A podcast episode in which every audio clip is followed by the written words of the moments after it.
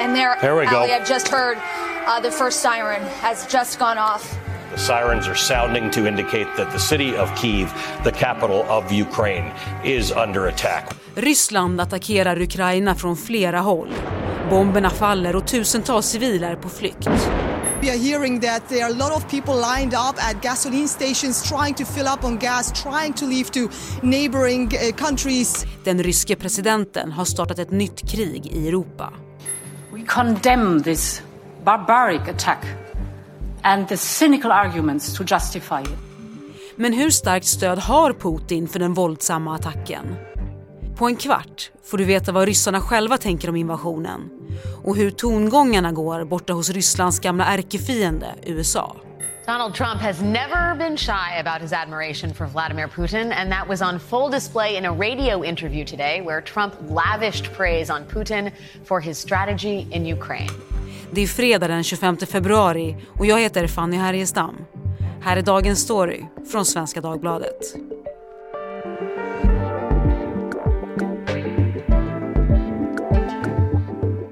Jesper Sundén, utrikesreporter här på SvD. Du har ju följt utvecklingen i Ryssland och Ukraina nära den senaste tiden. Vi har också Erik Bergin, utrikesredaktör här på SvD som ofta skriver om USA för tidningen. Och jag ska säga först att det är torsdag eftermiddag när vi spelar in det här. Läget kan komma att förändras mycket under dagen eh, och natten innan ni lyssnare nås av det här avsnittet. Eh, och just nu är vi här nere i studion men några trappor upp här, där är det full nyhetsfrenesi på redaktionen, eller hur? Ja, verkligen. Det är många som är inne och jobbar och det är, händer mycket grejer också.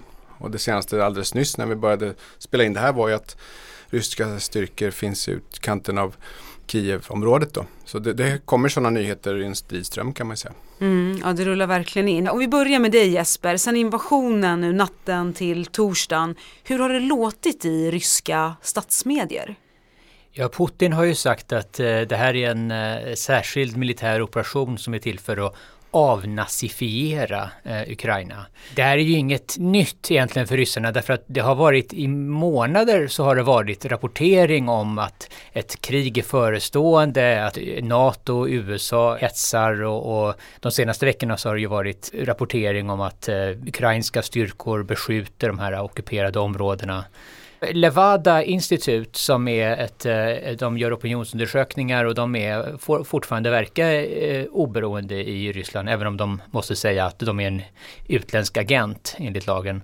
Dennis Volkov som, som leder det, han sa idag att ryssarna, de har matats med det här så länge så att de har förväntat sig ett krig. Mm. De, eh, för dem kommer inte det här som någon förvåning utan det har legat i luften så länge så att det här är bara en naturlig fortsättning och det är väl lite så propagandan fungerar att hade utan den här propagandan då hade det kanske varit en chock men nu nu är det, ja, det är precis vad alla väntar sig. Många ryssar har marinerats i, eh, Mm. i propagandan. Mm. Vilka bilder är det som rullar? bilder på till exempel ryska reportrar som påstår sig bli beskjutna och springer och tar skydd men när man ser den här filmen, det, det är väldigt, ett väldigt dåligt propagandaklipp för man får intrycket av att det är fejk helt enkelt. Och hur skulle du säga att bilderna skiljer sig från vad som visas i medier i Ukraina? Man kan ju säkert tänka sig att man vill framställa en särskild bild i Ukraina men det är ju inte samma kontroll som i Ryssland. Det finns också många fler medier.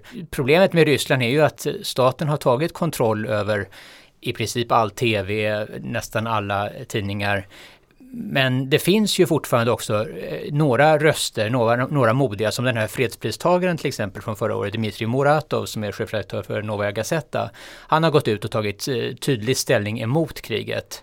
Och idag publiceras Novaja Gazeta på både ukrainska och ryska. Mm, just jag skulle fråga om det, just här kritiska röster på ledarplats Ja, eh, ja. och även i sociala medier. Liksom hur, hur kan de låta? Vad säger de? Ja, men, nej, men de, de säger att eh, det här kriget är fel. Ukraina är inte vår fiende och ukrainarna är inte våra fiender. Och Faktum är att eh, idag på Telegram så har 70 ryska journalister från Komoskvi, Dodged, eh, Kommersant, eh, flera olika, Izvestia, flera olika eh, utrikeskorrespondenter och, analytiker har gått ut gemensamt och tagit avstånd från det här och krig löser ingenting, det här är fel. Trots allt så finns det motstånd mot det här, men i statsmedierna så är det ju bara blankt enkelt budskap. Att Ryssland går in för att stoppa ett folkmord i Donbass. Putin talar om fredsbevarande styrkor. Många ryssar tror nog att det är så att, att ja, Ryssland går in och stoppar en konflikt som pågår. Och där, där det är ryssar i, i de här ockuperade områdena som är offren. Men har du någon uppfattning om liksom vilket genomslag de här kritiska rösterna har? Ja, de har ju nog inte så mycket genomslag. De flesta ryssar ser ju på, på tv, på statstelevisionen. Å andra sidan har ju Navalny, eh, han har ju väldigt många... Oppositionspolitiker? Ja, Alexej Navalny som är oppositionspolitiker men, men sitter fängslad. Han har ju många följare och, och från hans konto har ju både på, på ryska och engelska twittrats ut om att eh, i veckor så har vi inte sett några nyheter från Ryssland om arbetslöshet, den stagnerande ekonomin, om, om alla problem som finns här utan det är bara Ukraina, NATO och det ju, finns ju en anledning till det. Vi ska inte tänka på alla problem som är i Ryssland. Navalny han når till fler. Samtidigt så är det ju paradoxalt att eh, Putins opinionssiffror har stigit nu. Eh, till den högsta nivån på länge. Nu allra senaste ja, tiden? Ja, under januari. Opinionssiffrorna var låga före Krimkrisen, invasionen och annekteringen av Krim. Efter annekteringen så sköt de i höjden och, och, han blev mer populär än någonsin. Men sen dess har det fallit igen och det har varit nere på samma nivå ungefär som, som före Krim. Men nu är de på väg upp igen. Så att det här Ja, om det var så som vissa har eh, spekulerat i, att han ville stärka sitt stöd, sina opinionssiffror nu och inför valet 2024, ja då har han ju lyckats. Putin har ju varit tydlig med sin bild av Ukraina. Eh, det här med att landet i princip inte är en suverän stat i, i Putins ögon. Är det en bild som gemene man i Ryssland delar, Jesper? Ja, det är det. Eh, alltså många ryssar ser ju sig som att ukrainare och ryssar och, och vitryssar för den delen också är samma folk. Många känner väldigt starkt att Ukraina är en del av Ryssland. Eh, så kände man säkert en gång i tiden i Ukraina också, men sen, sen 2014 när den här krisen inleddes så, så har ju många stärkts i sin ukrainska nationalitet och känner ett avstånd och ilska mot Ryssland och det, det är lite liksom parodiskt, Putin pratar om att avnazifiera Ukraina, men Ukraina har en folkvald president som både har ryska som modersmål och som är judisk. Eh, den här avnazifieringen, ja det är ju då liksom för, att, för att rädda de rysktalande och, och, och kanske judar då också eftersom nazismen är det värsta antisemiter man kan tänka sig. Och i själva verket den som, den som ska avsättas och ersättas, ja det, det, är, det är då en rysktalande judisk eh, ukrainare. Mm. Eh, så det är liksom väldigt, väldigt märkligt. Jesper, vad skulle kunna få opinionen nu i Ryssland att svänga? Om det här går snabbt, om det, om det är så lätt så att det går att, att gå in i Kiev och Eh, byta ledning i Ukraina och placera någon, en marionett eh, som, som kan leda, ja då kommer det nog finnas ett ganska stort stöd för det här eh, bland den ryska befolkningen. Men om det tar tid och det börjar dö människor, det, det dör ju redan människor, men, men om det börjar bli fler döda ryska soldater och döda civila ukrainare, då kommer den här opinionen att svänga. För det, man vill varken se sina egna dödas, men man vill inte heller se vanliga civila ukrainare som man ju i Ryssland ser ändå som någon slags broderfolk, att de ska dö.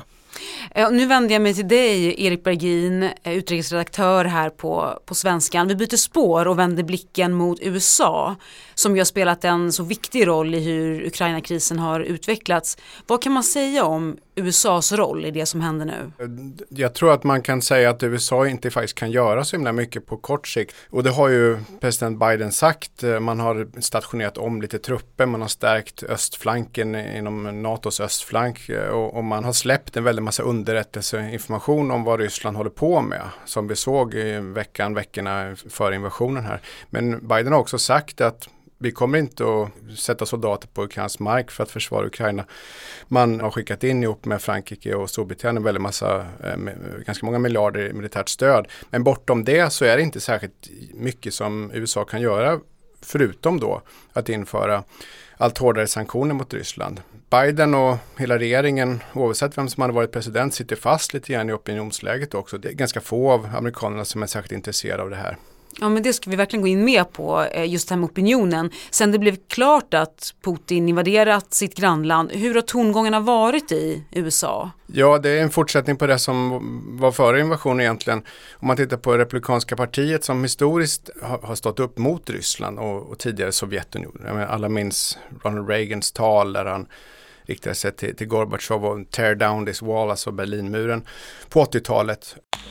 General Secretary Gorbachev If you seek peace, come here to this gate.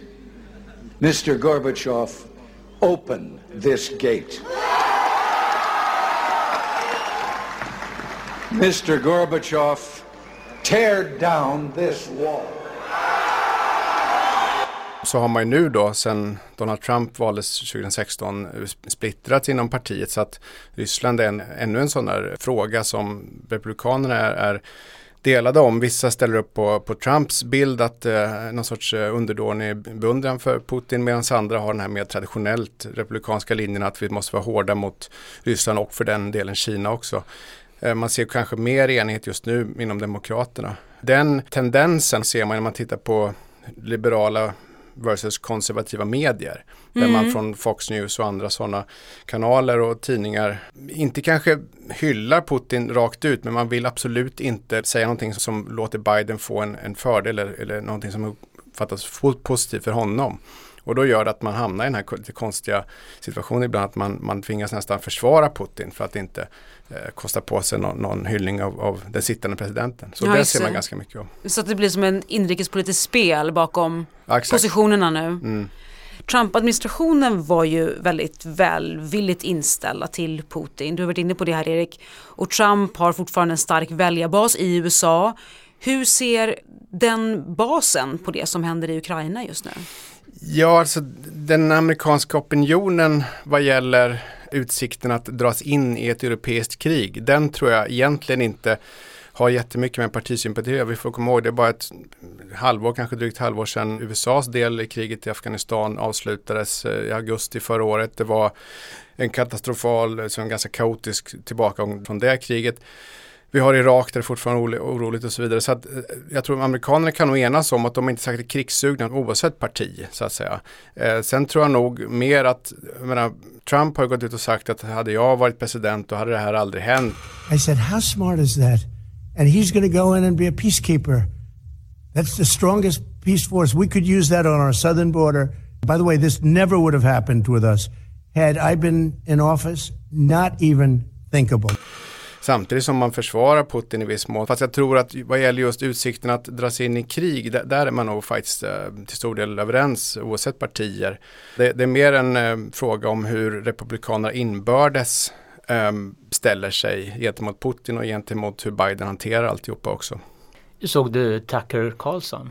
Ja, som försvarar Ryssland och ja, Nej men Tucker Carlson som är typ den populäraste tv-programledaren i USA på Fox News. Han, han tar ju ställning för Ryssland.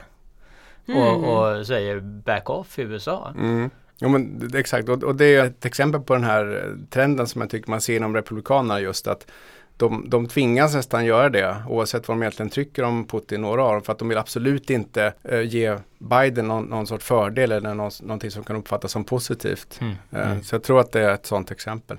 Och Erik, USA och Ryssland är ju gamla ärkefiender kan man säga. Relationen mjukades upp under Trump, men hur tror du att den kommer utvecklas nu?